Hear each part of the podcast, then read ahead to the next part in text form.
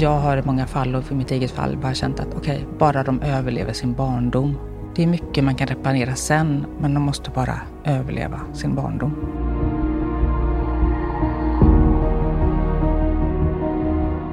Välkommen till podden Mörkertalet. Jag heter Maria Larsson och är en social entreprenör med inriktning på brottsprevention och mänskliga rättigheter. Syftet med den här podden är att sätta ljuset på problem och hitta lösningar. Jag bjuder in gäster som har något att berätta och det blir ett samtal där vi diskuterar utifrån våra olika kompetenser och erfarenheter.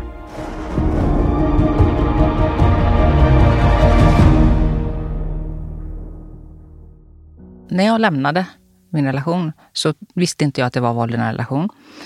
Jag hade aldrig ens hört talas om det uttrycket. Jag visste bara att det var oerhört komplicerat, att det skulle bli jättesvårt att lämna. Jag fick inte lämna. Och så brukar det se ut, har jag förstått i efterhand, då, att det är jättesvårt att lämna. Och mm, det var inte förrän jag träffade en ny man och han eh, kom med friska ögon in i det här och började googla runt och hittade en hemsida som hette Den prickiga dagboken. Och den var skriven av en kvinna som var i en helt identisk situation som jag. Hon beskrev på den här hemsidan liksom alla de här skeendena, hur man mådde, vad som händer liksom i relation och efter våld, som det kallas. När det fortsätter efter man har lämnat. Då förstod jag liksom att okej, okay, det är så här det kallas och ser ut. Och jag är inte ensam om den här upplevelsen. Och jag blev också hjälpt av den, eh, att förstå och få insikt i och också förstå vad jag behövde göra. Och det har jag försökt efteråt här nu i, ja, i 13 års tid, att liksom ge tillbaks till andra på olika sätt. Och den här podden kommer ju också vara ett led i det då. Att det som den prickiga dagboken blev för mig, den räddningen, det hoppas jag ju att jag kan med den här podden få bli hjälp till andra som är i en våldsam relation eller har lämnat. Men också andra människor, anhöriga, nätverket runt omkring och även professionella som kan få ta hjälp och led av andra människors liksom, insikter, erfarenheter och förstå hur vi kan hjälpa till på bästa sätt. När man lever med våld i en relation så förhåller man sig till det på olika sätt. Alltså vi var bästa teamet. Alltså det funkade jättebra. Ingen på utsidan som trodde eller förstod eller hade en aning om det här. Att det var en sån maktobalans. För att jag såg ju till att allting flöt på hela tiden. Och alla orosmoln och allt som kunde irritera honom, liksom, det slätade jag ut liksom, den vägen och krattade manegen. Så det var ju inte förrän efteråt som det blev liksom ohållbart. Och det är också så att när man lämnar en relation så blir det så många fler som på något sätt blir involverade. När man är i den så är det bara den lilla bubblan med den närmsta familjen. Jag och han och barnen och vi roddade här. När man lämnar så blir ju liksom släkt, alla vänner, alla runt omkring blir ju på något sätt involverade i det här. Och om de inte då förstår vad det är som händer så är det väldigt, väldigt lätt att det blir ännu värre, helt enkelt. Och det är också väldigt vanligt, som det blev för mig då, att jag blev stämplad som ja, psykisk ohälsa och, och, deprimerad eller så här. Och det är ju ett resultat av att leva i en sån här relation eh, under lång tid och bli nedbruten. Jag var otroligt nedbruten när jag lämnade. Och det var ju också så att innan jag lämnade så insåg jag, det tog ju lång tid, många år, när jag beslutade mig för att lämna tills jag kunde lämna. Och till slut insåg jag det, att om jag inte lämnar nu så kommer jag inte ha kraft att lämna sen. Då kommer jag begå självmord inom två till tre år. För det var så raserande av mig som person. Och då fick jag sån styrka att jag kunde lämna och gjorde det och gick inte tillbaka igen, som är väldigt vanligt att man gör ett antal gånger. Många tänker så här att varför lämnar hon inte? Och det finns ju ett uttryck som heter liksom lämna det första slaget. Men det är så att inte alltid första slaget kommer och man väntar och väntar och väntar. Och i mitt fall var det dessutom så att jag väntade i tio år på att det här slaget skulle komma så att jag skulle få en anledning att gå de tre sista åren så längtade jag efter att det här slaget skulle komma. För jag ville få slut på det här och kunna gå. Och det här låter ju helt absurt, det vet jag ju och det förstår jag. Men för en våldsutsatt så är det här realiteten. Och det beror ju på att det finns olika stadier i våldet. Det är inte så att om man vid första dejten och den ena börjar kränka den andra på olika sätt, verbalt eller fysiskt, så att man stannar kvar där då. Utan då går man ju, för då har man ju sitt eget skydd intakt. Man förstår det, att nej, men det här är orimligt, det här är osunt, så här ska det inte vara. Så då går man och man upprättar inte en relation där. Men eh, det här är ju någonting som smyger sig på över tid. Ofta tar det ganska lång tid. Och till slut så har man ju liksom byggt upp en relation. Man har ja, hus, lån tillsammans, man har barn, man har liksom ett liv med vänner och allting. Och man eh, har väldigt svårt att eh, liksom förstå hur hände det här? För man ser på sig själv som en stark person som inte tar skit. Eller man förstod inte vad var det som hände. För den här nedbrytningen, och den har ett namn, den heter normalisering. Den sker över lång tid och man tror till slut att okej, okay, antingen att alla har det så här eller det går upp och ner i en relation. Man lägger skulden på sig själv för att jag retade upp eller jag sa någonting. För det är också så som det sägs eller läggs upp. Om du inte hade sagt det eller gjort det så hade jag inte behövt att bli så här arg. Så man blir ju hela tiden varse liksom att det beror på mig, liksom, att det är så här. Och man blir också mer och mer försiktig med vad man gör och vad man säger. Och man utplånar sig själv. Och det här att gå på tå, det är ju bildligt och bokstavligt så i en sån här relation. Det är en maktobalans. Gränserna förskjuts ju hos båda två kan man säga. Det kan man ha med sig då att våld, det har ett syfte. Den som kränker den andra på olika sätt, den vill ju någonting med det.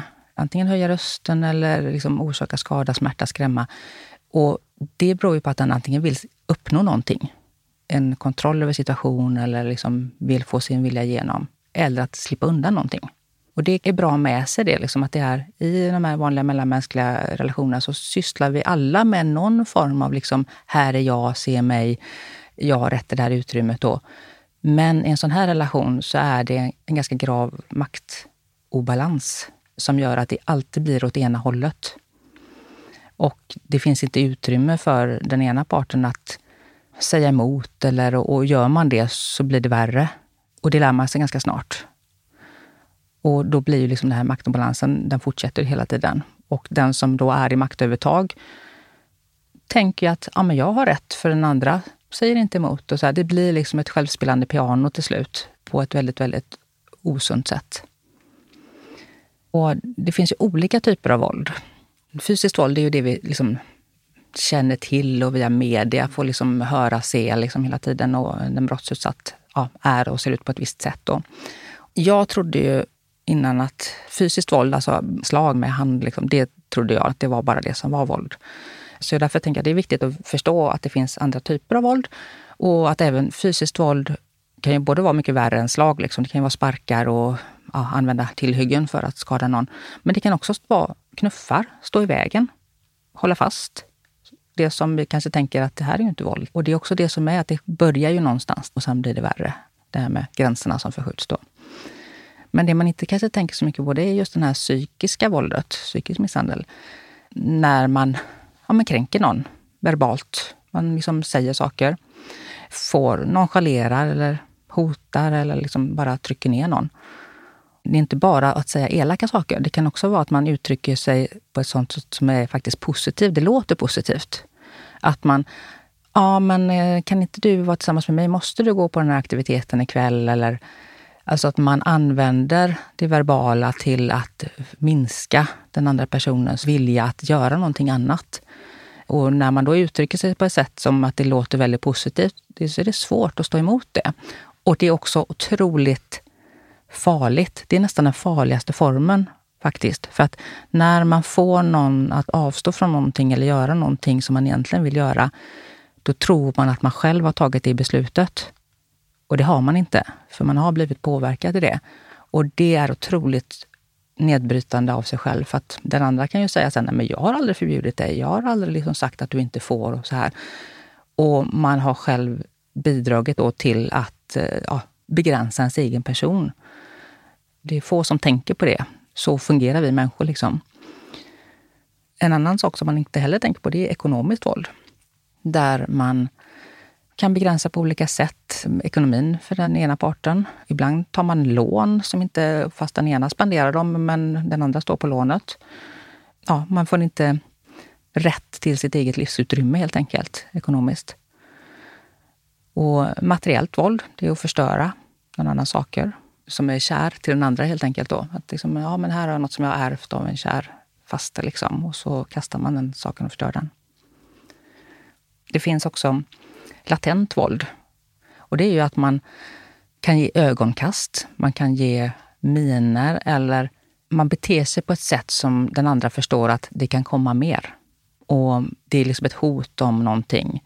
Att man sitter på en, en gemensam middag med vänner och så blir den här parten då missnöjd med någonting och så ger ett ögonkast. Liksom. Och den andra parten vet att, aha, okej, okay, det här får jag skit för sen.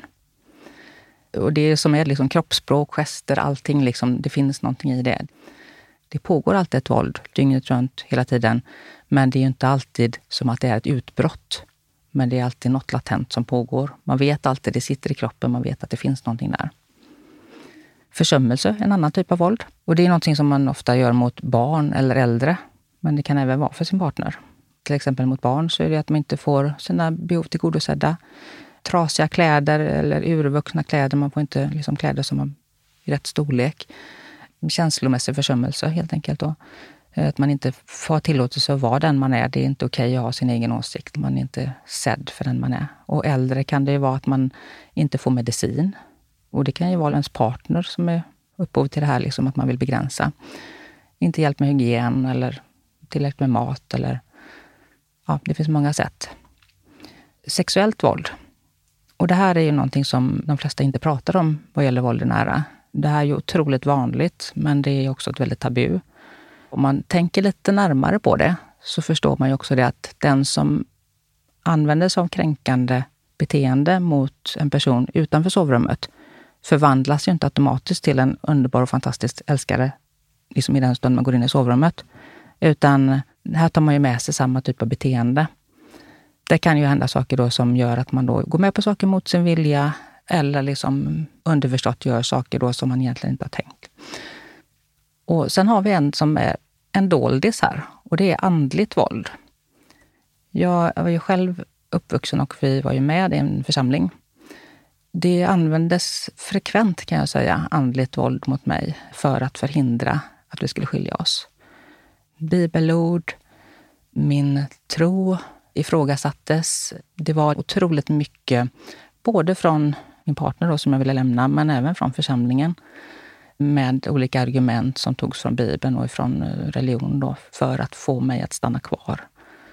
Och den dimensionen pratar man absolut inte om i samhället och det är otroligt viktigt för att det är en mänsklig rättighet att få tro det man vill, men det är också en mänsklig rättighet att slippa våld. Så det är viktigt att belysa alla de här olika. Och våldet, det ser olika ut beroende på förövaren och beroende på mottagaren. Det är inget egenvärde att börja slå, utan kan man uppnå det man vill genom psykisk nedbrytning och liksom pointa vissa saker, så går det aldrig över till fysiskt våld. Då hamnar de i den situationen som jag var.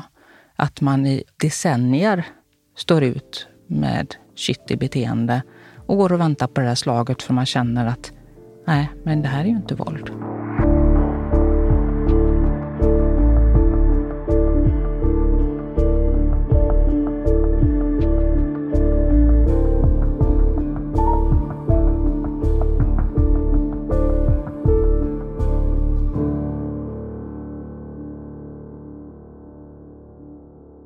Jag heter Maria Larsson och jag är social entreprenör som arbetar med eh, brottsprevention och eh, mänskliga rättigheter.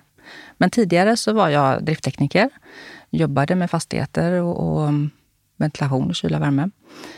Och det gjorde jag ju under tiden som jag var i den här destruktiva relationen i 20 år. Och mm, när jag lämnade så förstod jag ju då att det är många saker som inte fungerar i samhället som man är tänkt. Jag tog med mig mitt lösnings och eh, felsökningsorienterade sinne i det här och ser att man skulle kunna jobba på helt nya sätt inom det här sociala arbetet. Och jag märker att på det sättet jag tänker och pratar om det, så tänker man inte inom den här sektorn. Så jag vill liksom bredda det här området. Jag vill att vi ska tänka innovativt, bredda perspektiven, ta in andra arbetsmetoder, tänka cross kitchen vad gäller att liksom se hur jobbar andra branscher, hur jobbar andra länder, hur kan vi göra det här bättre? För vi måste göra det bättre för de här människorna som är i de här väldigt utsatta situationerna.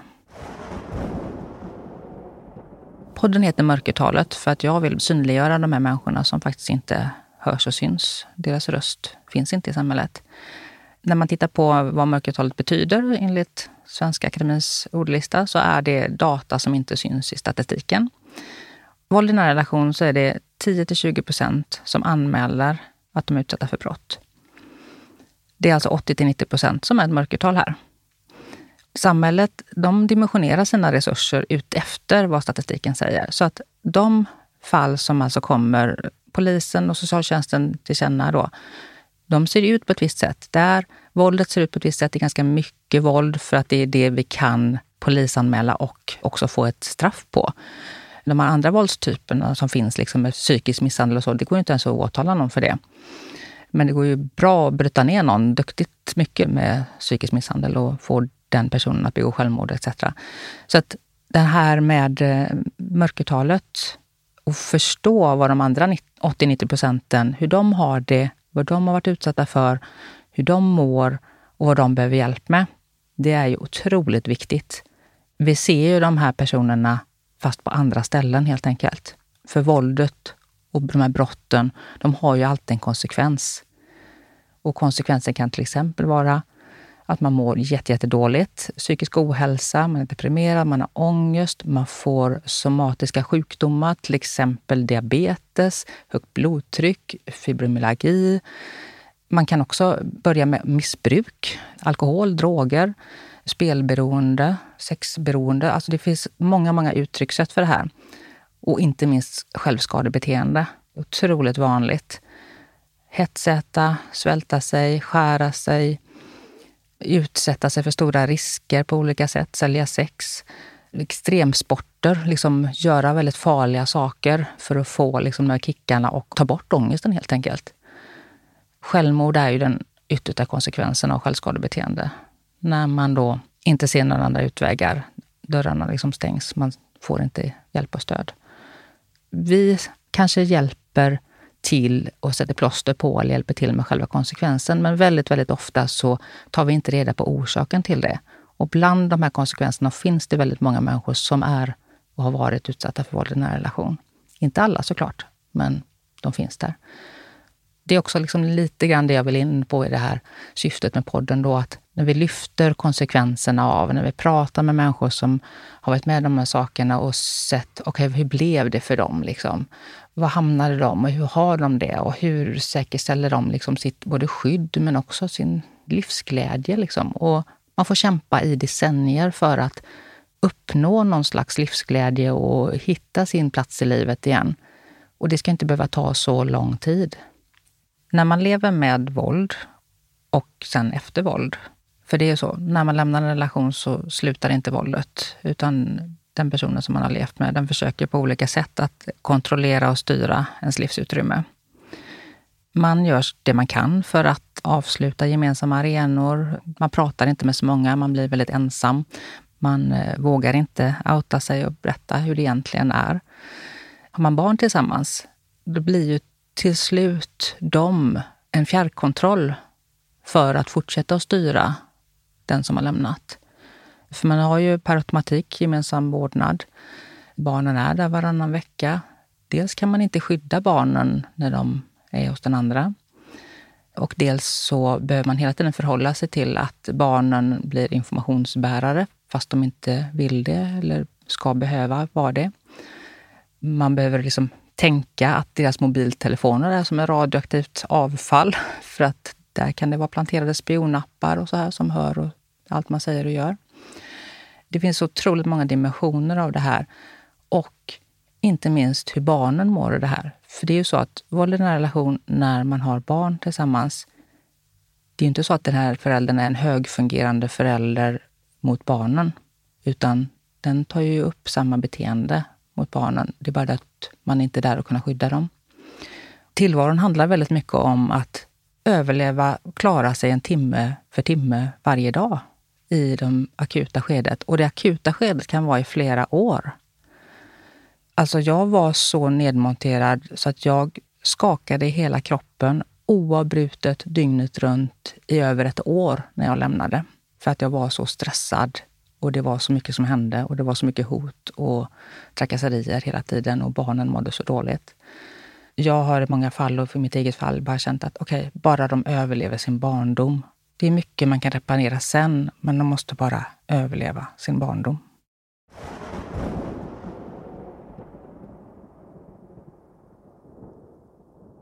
Min önskan och tanke med den här podden, det är att de som lever med och efter våld, både män och kvinnor, ska förstå sin situation och veta vart de ska vända sig för att få rätt stöd och hjälp.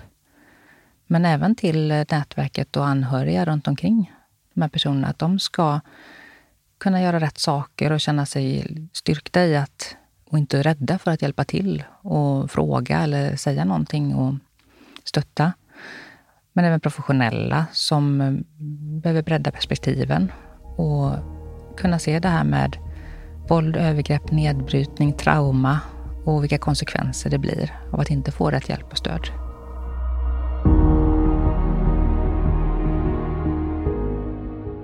Om du känner igen dig eller förstår att någon i din närhet är drabbad så finns det mer information om vart du kan vända dig i beskrivningen till det här poddavsnittet. Där finns även information för dig som tycker det här är viktigt och vill stötta den här podden, antingen via Patreon eller Swish. Vi hörs!